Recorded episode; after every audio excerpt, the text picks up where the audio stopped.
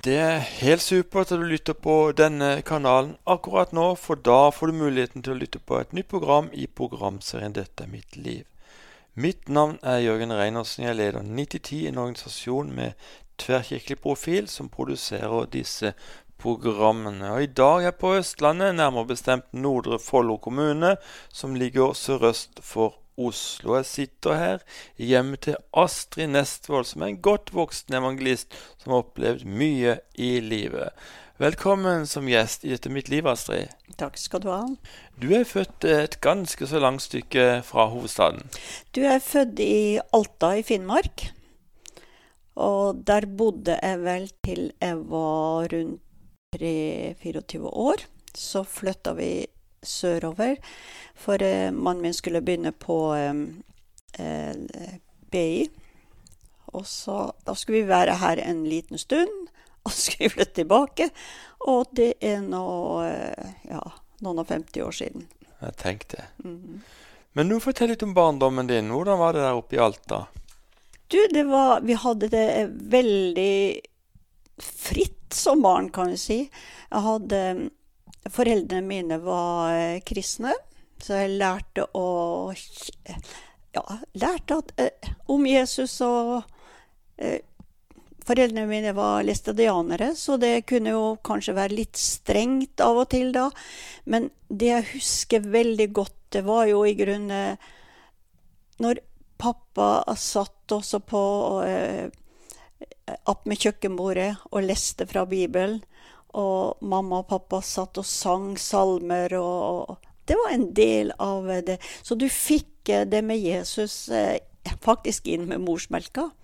Mm. Men du nevner læstadianere. Hva er det? Du, det er jo en eh, Ja, en del Det hører jo inn under Den norske kirke. Det var vel en, som, eh, en prestesønn som heter Lestadius, som eh, starta en vekkelse også oppe i Finnmark. Var vel opp, mye oppe i Kautokeino og rundt for der, og i Finnmark. Mm. En og så har det vel utvikla seg litt etter hvert. Litt strengt og litt eh, lovisk, vil jeg si. Der er mye galt og synd og, og sånn. Ja, synd og sånt. Det var jo mye det som ble forkynt eh, eh, før. Hva, hva, gjorde det med det? Jeg vet ikke om det gjorde Altså, Jeg husker jo en gang når jeg kom hoppende og trallende bortover mot jordet og fikk beskjed hos pappa nå dans skal vi ikke ha her, nei. så det var i grunnen på det fire. Men eh, pappa hadde en eh, fantastisk humor. Og det var mye glede, mye Altså, jeg hadde en veldig, veldig fin oppvekst. Dessverre så eh, døde pappa da jeg var 14 år. Og jeg var en veldig Jeg kan jo si pappajente. Så når jeg opplevde ting også, det må jeg fortelle pappa. Men så var jo ikke pappa der. Så husker jeg sa at Men Jesus, du kan si det til pappa. Så, så jeg hadde under hele oppveksten en veldig fortrolig eh, fellesskap med Jesus. Og ja. Så du har en god barndom der oppe. Hvordan var ungdomsårene? Ja, altså det var jo, kan du si at Ungdomsårene ble jo også med mye ansvar, også med at pappa døde og vi hadde et gårdsbruk. Så det var jo Du lærte å arbeide, i hvert fall. Og eh, Men hadde, vi hadde det i grunnen veldig fritt og, og godt. På, eh, men eh, jeg hadde vel ikke et, et Jeg gifta meg jo forholdsvis tidlig. Det var faktisk 14 dager før jeg fylte 19 år. Så gifta jeg meg. Så jeg måtte jo ha underskrift av mamma da, vet du, for det var jo 21 år som var, ah. som var myndighetsalderen da. Men eh, eh, Og den tida da da etter jeg gifta meg sånn, så ble det vel at du Mannen min var jo ikke frelst da, så, det, så flytta vi nedover hit. Og her hadde jo ingen menighetstilknytning, så det ble vel Om ikke jeg akkurat var frafallen, så ble det i hvert fall veldig lunken periode. ikke sant? På, men så kom hun, mamma nedover en tur her i Hun skulle være hos oss i jula da. Og hun hadde vi vært første juledag på, eh, i kirka. Og så ser hun jo i avisa at det skulle være møte også på pinse på salen på Ski. Og hun skulle jo dit òg, da, vet du. Så eh, jeg visste jo går jeg dit, så er jeg ferdig. Det visste jeg. Og du vet da, på den tida så var det jo eh, mye ettermøte med bønn på kne. Mm -hmm. Og når ettermøtet kom, så gikk jeg jo ikke ut. Jeg satt jo bare der. Og vet du, da var jeg jo fritt vilt. Så kom jo predikanten bort og, og spurte, og da fikk jeg lov å komme tilbake ordentlig og ta imot Jesus Og. Ja, hva, hva, skjedde da? Jeg merka i tida etterpå så var det en fryktelig kamp. Jeg husker mange ganger jeg har fått ungene av gårde også på, på, eh, i barnehagen, og, eller på sånne dager som de var da. Så var det mange at jeg bare måtte bøye kne opp med kjøkkenbordet og bare eh, rope til Gud. For det er klart at jeg var begynt å gli bort, og det var vel en fiende som ikke ville heller gi fullstendig slipp. Men eh, jeg fikk og jeg kjente at det, det, livet med Gud, det vokste mer og mer. Og jeg kjente at det nære, intime fellesskapet med Jesus, det kom igjen. Og eh, ikke så lang tid etter også da, så ble jeg jo åndsdøpt, og du fikk den styrke og kraft som du trengte. Mm. og ble jo også tilknytta menigheten der, og fikk et fellesskap for det tror jeg kan være veldig vanskelig mange å stå alene. Men jeg fikk det fellesskapet der, og det Ja. Ja, det er veldig vesentlig. Det er det, altså. Du vet at eh, Klart at vi, vi, vi kan leve alene som kristen. Vi kan eh, eh si vi tilhører den universale menigheten og alt det. Men vi trenger et fellesskap der vi kan bli slipt der vi kan forholde oss til andre. Der vi sammen kan eh, prise og tilbe Gud. Og, jeg tror, og det står i hvert fall at Gud vil vise sin herlighet gjennom sin menighet. Så jeg tror, Og det er jo Gud som har etablert menigheten. Så jeg tror, jeg tror vi trenger det nå. Jeg tror vi trenger det mer og mer i tida som ligger foran. Det er sant. Ja, hva vil du si til de som, som sier seg at de klarer seg uten menighet? Jeg vet, altså Du klarer deg så lenge alt sammen går greit og alt er bra.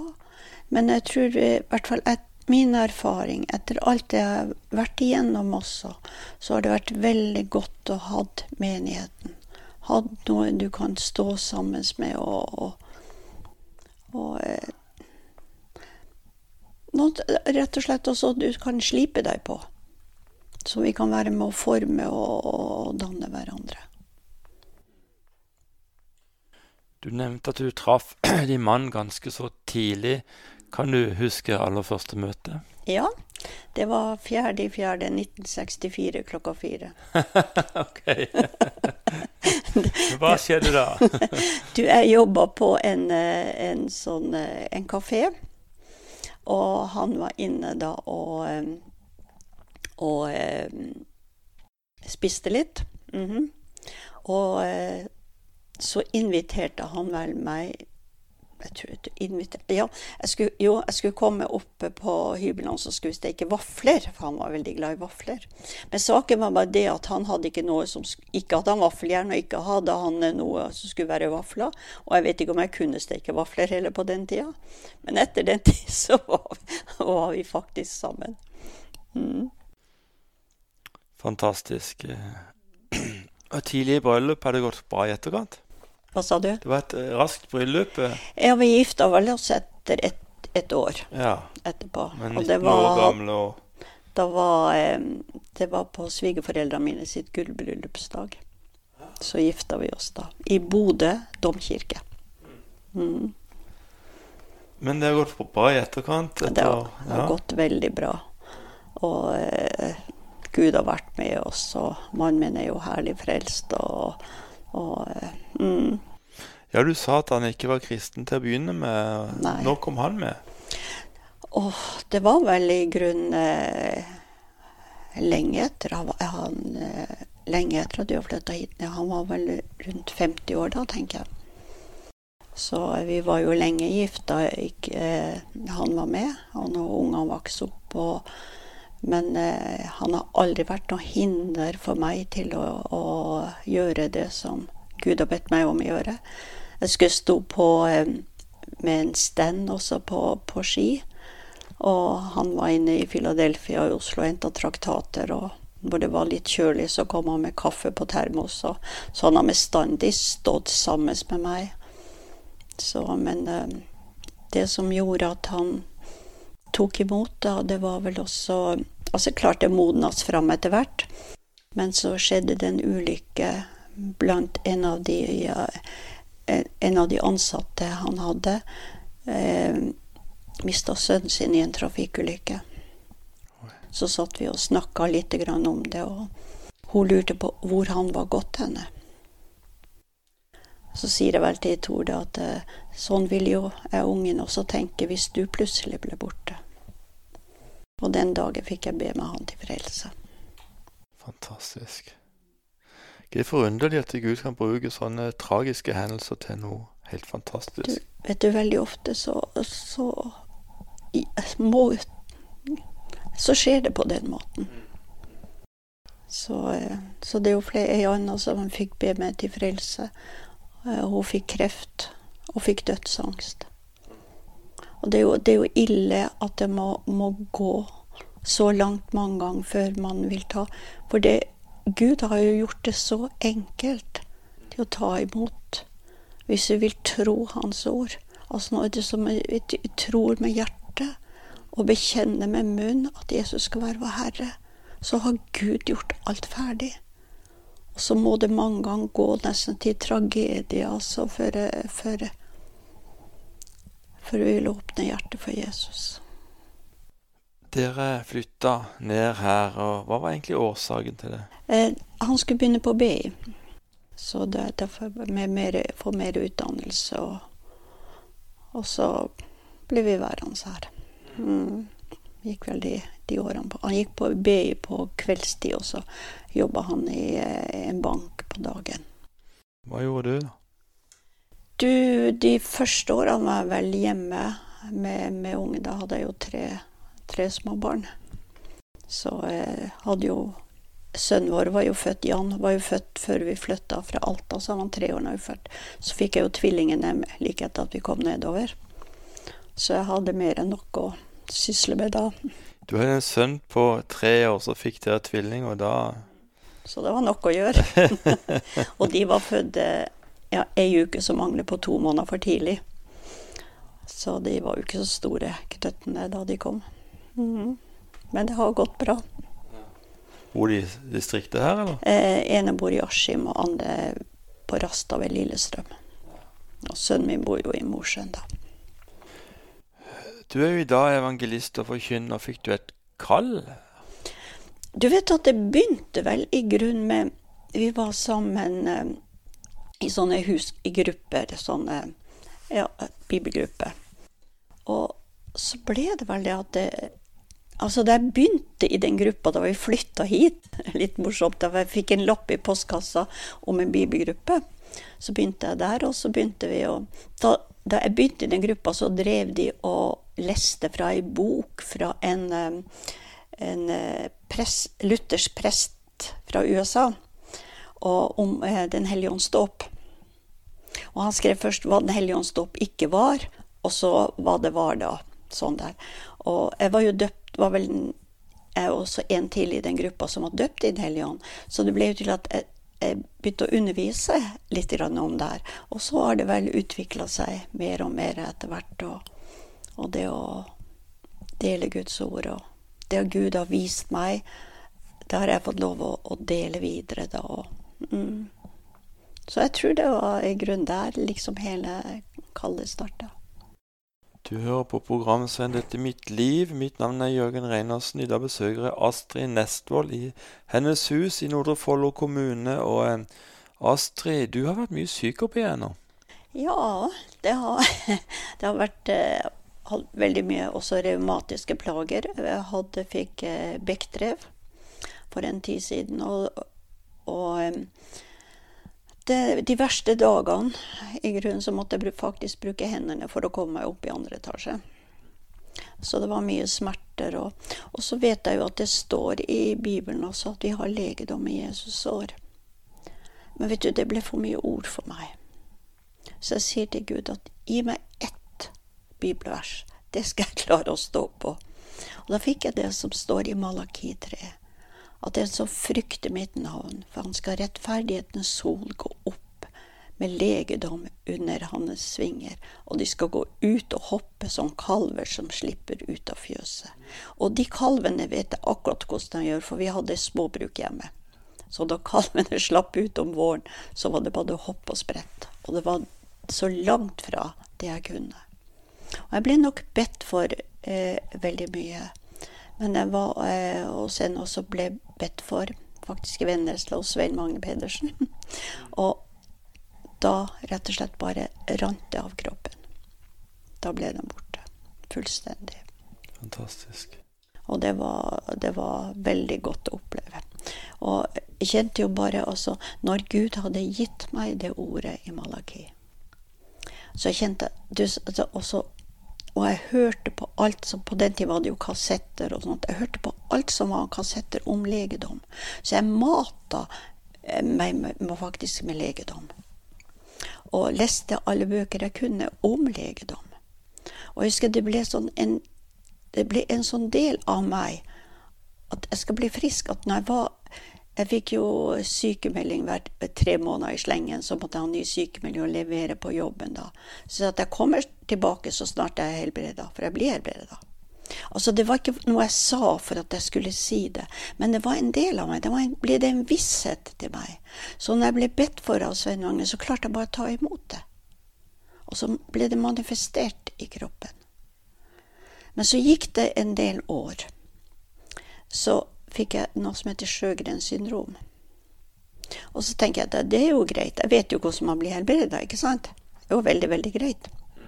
Men det gikk ikke sånn. Og så sier Gud at du som forkynner ordet, du skal få kjenne kraften i ordet.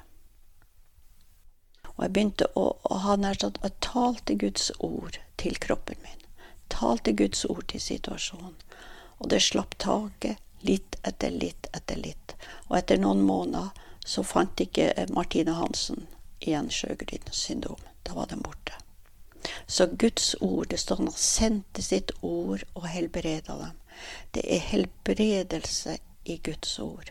Men du vet at vi kan, vi kan sitere Guds ord, og det kan bli som et mantra. ikke sant? Vi bare siterer. Men når det blir en del av deg, og du taler det ut i tro, så gjør det sin verk. For Guds ord er levende og virkekraftig. Det gjør det det blir sendt ut til. Og det, det jeg tror det viktigste av alt når vi skal ta imot noe av Gud, det er å være lydig og gjøre det sånn som han sier.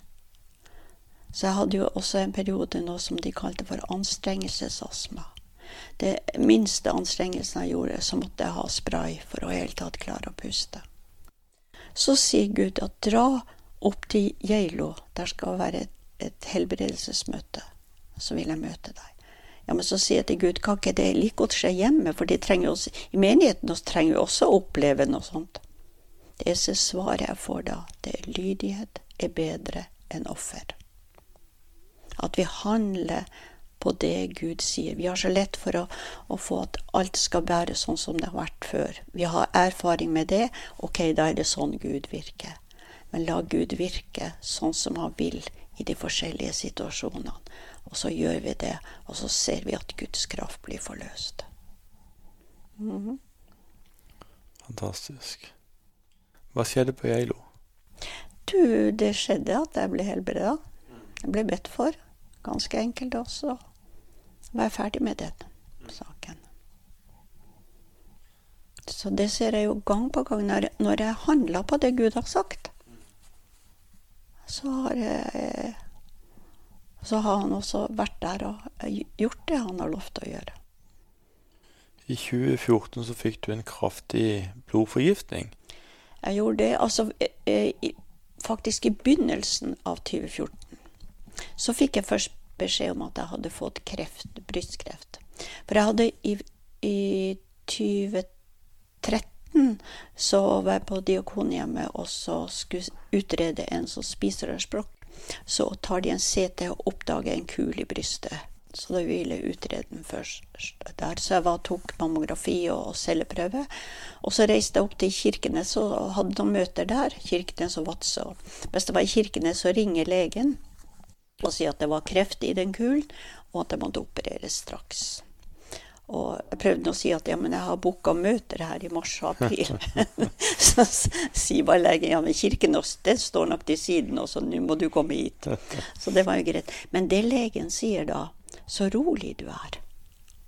Og det fikk både eh, Tor og meg oppleve under hele den prosessen, at vi ble båret av Guds fred.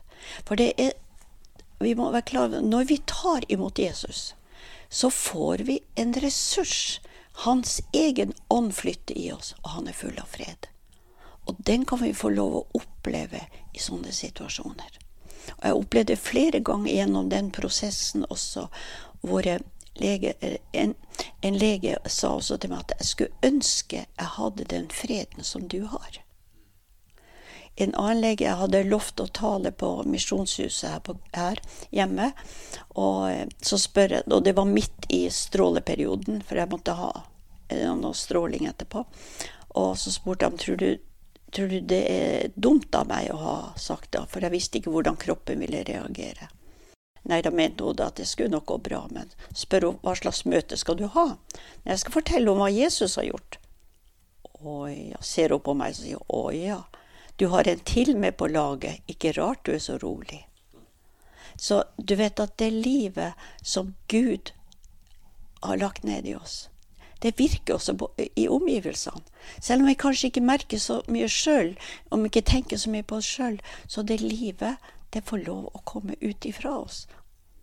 Og virke på omgivelsene, faktisk. Men det som du nevnte også den blodforgiftninga, det var på, på, høsten. Da Da skulle jeg operere den spiserørsbrokken. Og det gikk veldig greit, og, og eh, alt ble satt på plass. Og for at den brokken var så stor at mavesekkene hadde festa seg opp i spiserøret. Så de satte mavesekken på plass, da, men så begynte den å utvide seg, vridde på seg, og så gikk det høl på den. Da fikk jeg en kraftig blodforgiftning. Og da eh, eh, lå jeg 14 dager i koma. Og eh, seks dager der så venta legene bare på at jeg skulle dø. Men det som var fantastisk også midt oppi det hele, eh, det var jo at eh, Tor, mannen min, han fikk lov å Han opplevde sånn fred under det her. At legene sa til jentene at skjønner ikke far deres hvor alvorlig det her er. Så altså, det, det livet som, som vi, vi, får når vi tar imot Jesus, så er det ressurser. Men de ressursene som er der, de må forløses i vår liv. Eller så hvis, hvis det, det, ligger der mange ganger hos veldig mange som en død kapital. Det blir som å ha en million i banken når du svelter i hjel, for du vet ikke hvordan du skal ta dem ut. Men jeg tror i hvert fall det som jeg har lært, hvordan jeg forløser det som ligger i min ånd, det å begynne å tale det ut.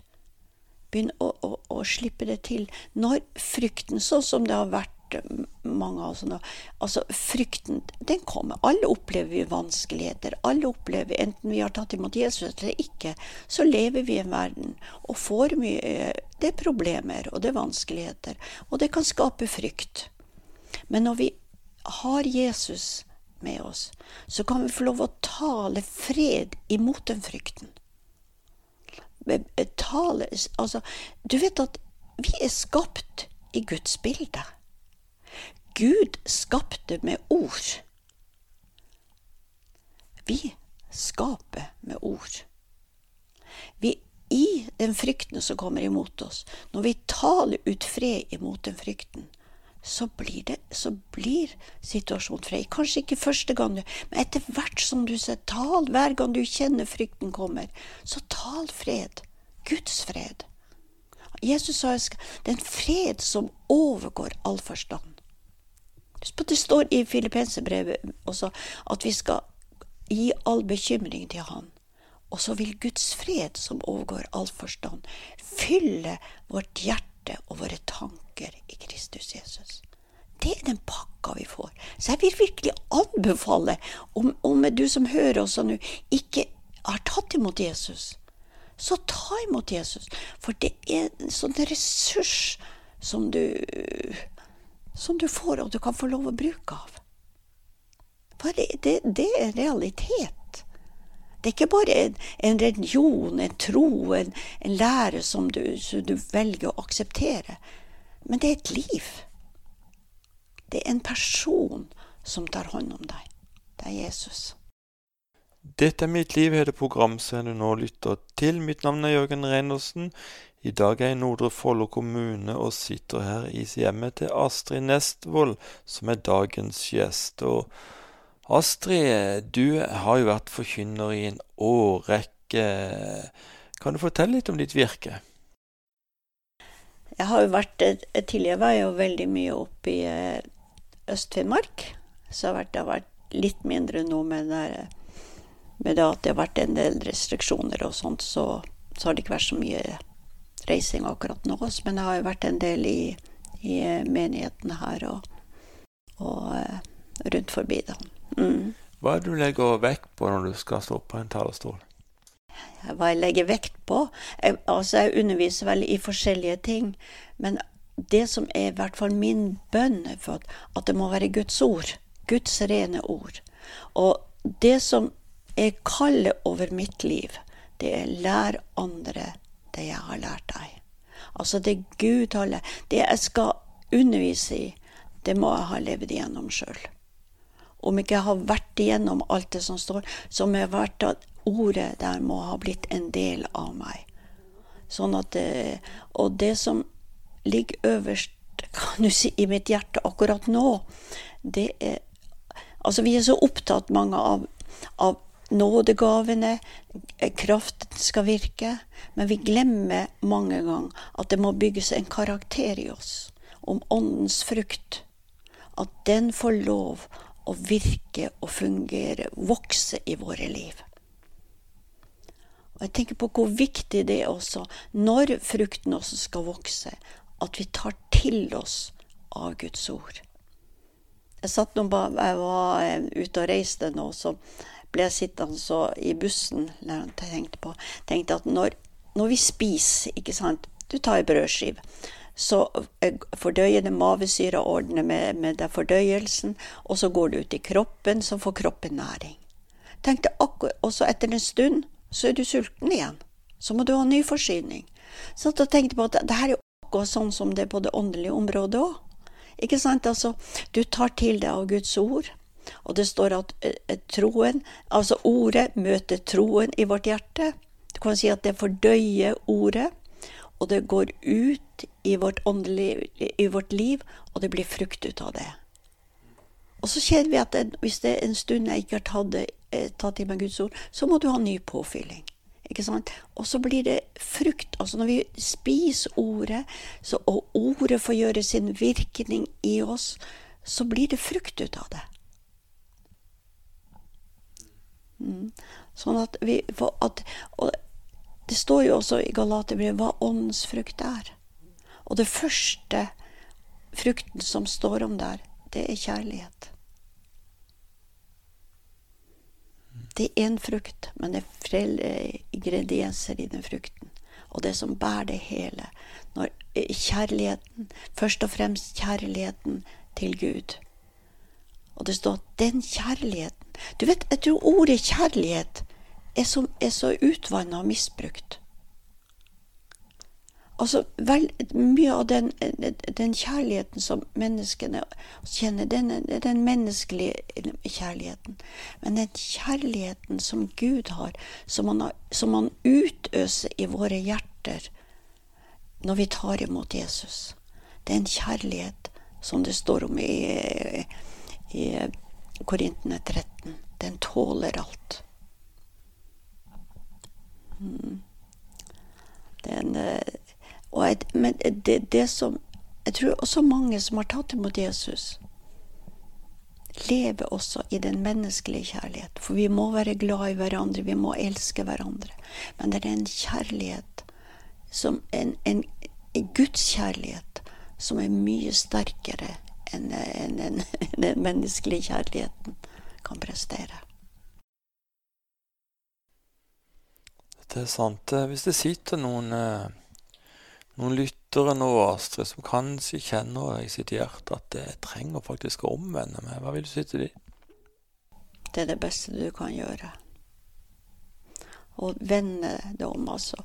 På, på Som en sa en gang også, at jeg klarer meg så veldig godt sånn. Jeg får det alt sammen til, det fungerer bra. Men klart jeg kjenner en tomhet av og til.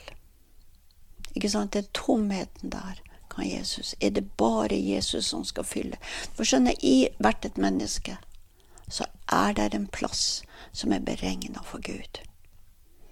Den tomheten vi, tror jeg vi vil kjenne hvis det helt du har tatt imot Jesus. Så du som ikke har tatt imot Jesus, ta imot Jesus. Han er den eneste Hvis du har tenkt deg til himmelen, når det slutter her, så er det Jesus den eneste veien.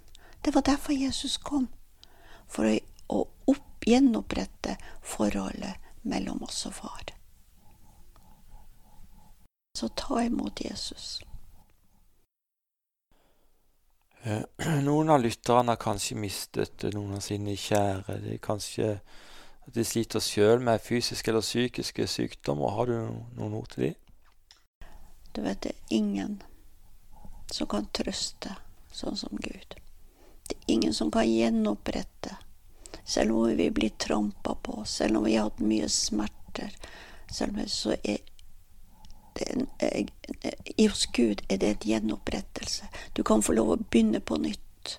Om vi har mista våre kjære og kan sitte i sorg. Altså det å bare å si 'Jesus, kom og hjelp meg' så er han der. Vet du at jeg aldri har mange ganger sagt også at jeg vet ikke hva jeg skal gjøre. Kom, hjelp meg. Og jeg har ikke enda sagt at nå har du fått hjelp nok, nå må du klare deg sjøl. Men når man påkaller Enhver som påkaller Herrens navn, han får hjelp. Herren vil være der hos oss. Han er trøsternes Gud. Det er i hvert fall min erfaring. Kan du tenke deg å be en bønn for lytterne? Far, jeg bare priser deg. Jeg takker deg, Herre, for at du er veien, sannheten og livet. Jeg takker deg for hver eneste en som hører det vi har snakket om, far. Far, ta ditt ord og, han, og møt dem akkurat der de trenger. Tal til den enkelte akkurat der de trenger det, far. Åpenbar deg for dem, Herre. Herre, jeg bare priser jeg ønsker bare å velsigne hver eneste en som hører disse ord. Velsigne deg i Jesu navn. Velsigne deg med styrke og kraft, med en forløsning i det du sitter fast i. Bare ber om Guds beskyttelse over ditt liv. I Jesu navn. Amen. Amen, amen. Astrid Nestvold, hjertelig tusen takk skal du ha for å takke ja til å være gjest i dette programmet. Må Gud rikelig velsigne deg, din familie og ditt virke i årene fremover. Kjære lytter. I dagens program har du fått høre Astrid sin gripende livshistorie. Det var fantastisk å lytte til hvordan hun håndterte disse tøffe utfordringene. Hun fylte seg med Guds ord og tok til seg Guds løfter, og selv legene ble forundret over at det var mulig å være så rolig og ha en slik fred når alvorlige diagnoser ble stilt. La meg lese et bibelvers for deg. Johannes kapittel 14 vers 27. Fred etterlater jeg dere, min fred gir jeg dere, ikke den fred som verden gir. La ikke hjertet bli grepet av angst og motløshet. Og i Filippobrevet kapittel 4 vers 7 står det Guds fred, som overgår all forstand, skal bevare deres hjerter og deres tanker i Kristus Jesus. Den viktigste freden vi kan få, er å få fred med Gud. På grunn av Jesu fullbrakte frelsesverk på korset og hans seiersrike oppstandelse fra de døde, kan alle mennesker komme til Jesus og få syndene tilgitt ved troen på Han. Det som skjer for hver synder som kommer til Jesus for å bli frelst, er at Gud rettferdiggjør dette mennesket. Det mennesket har nå fått fred med Gud. Forholdet til Gud er i orden. I Romerbrevet kapittel 5 og vers 1 står det:" Da vi nå er rettferdiggjort av tro, har vi fred med Gud, vår Herre Jesus Kristus.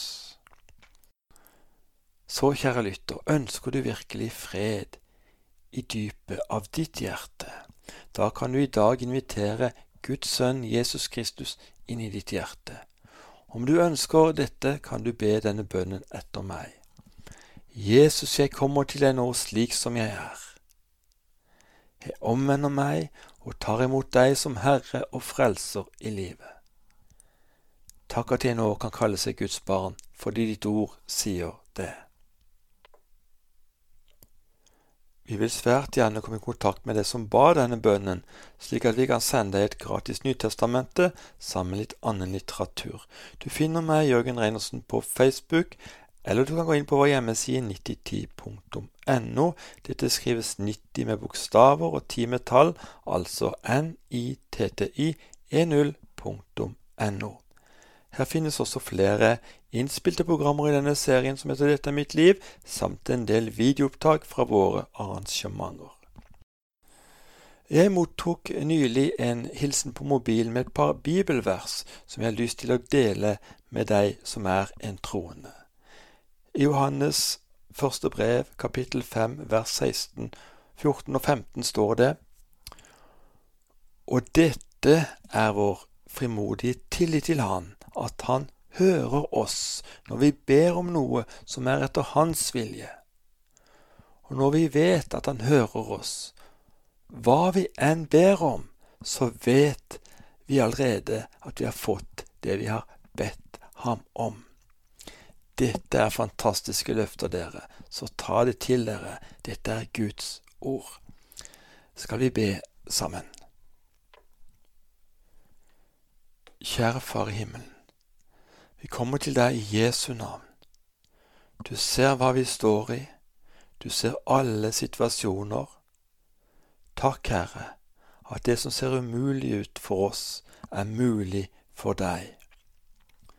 Herre, jeg ber for den enkelte lytter, at han eller hun skal få kjenne din fred nå, Herre, på tross av de omstendighetene som måtte rase. Herre, du er vår tilflukt og vår borg, som vi setter vår lit til. Takk, Herre, at du hører oss når vi ber om noe som er etter din vilje. Ja, da kan vi komme framfor deg med alle ting.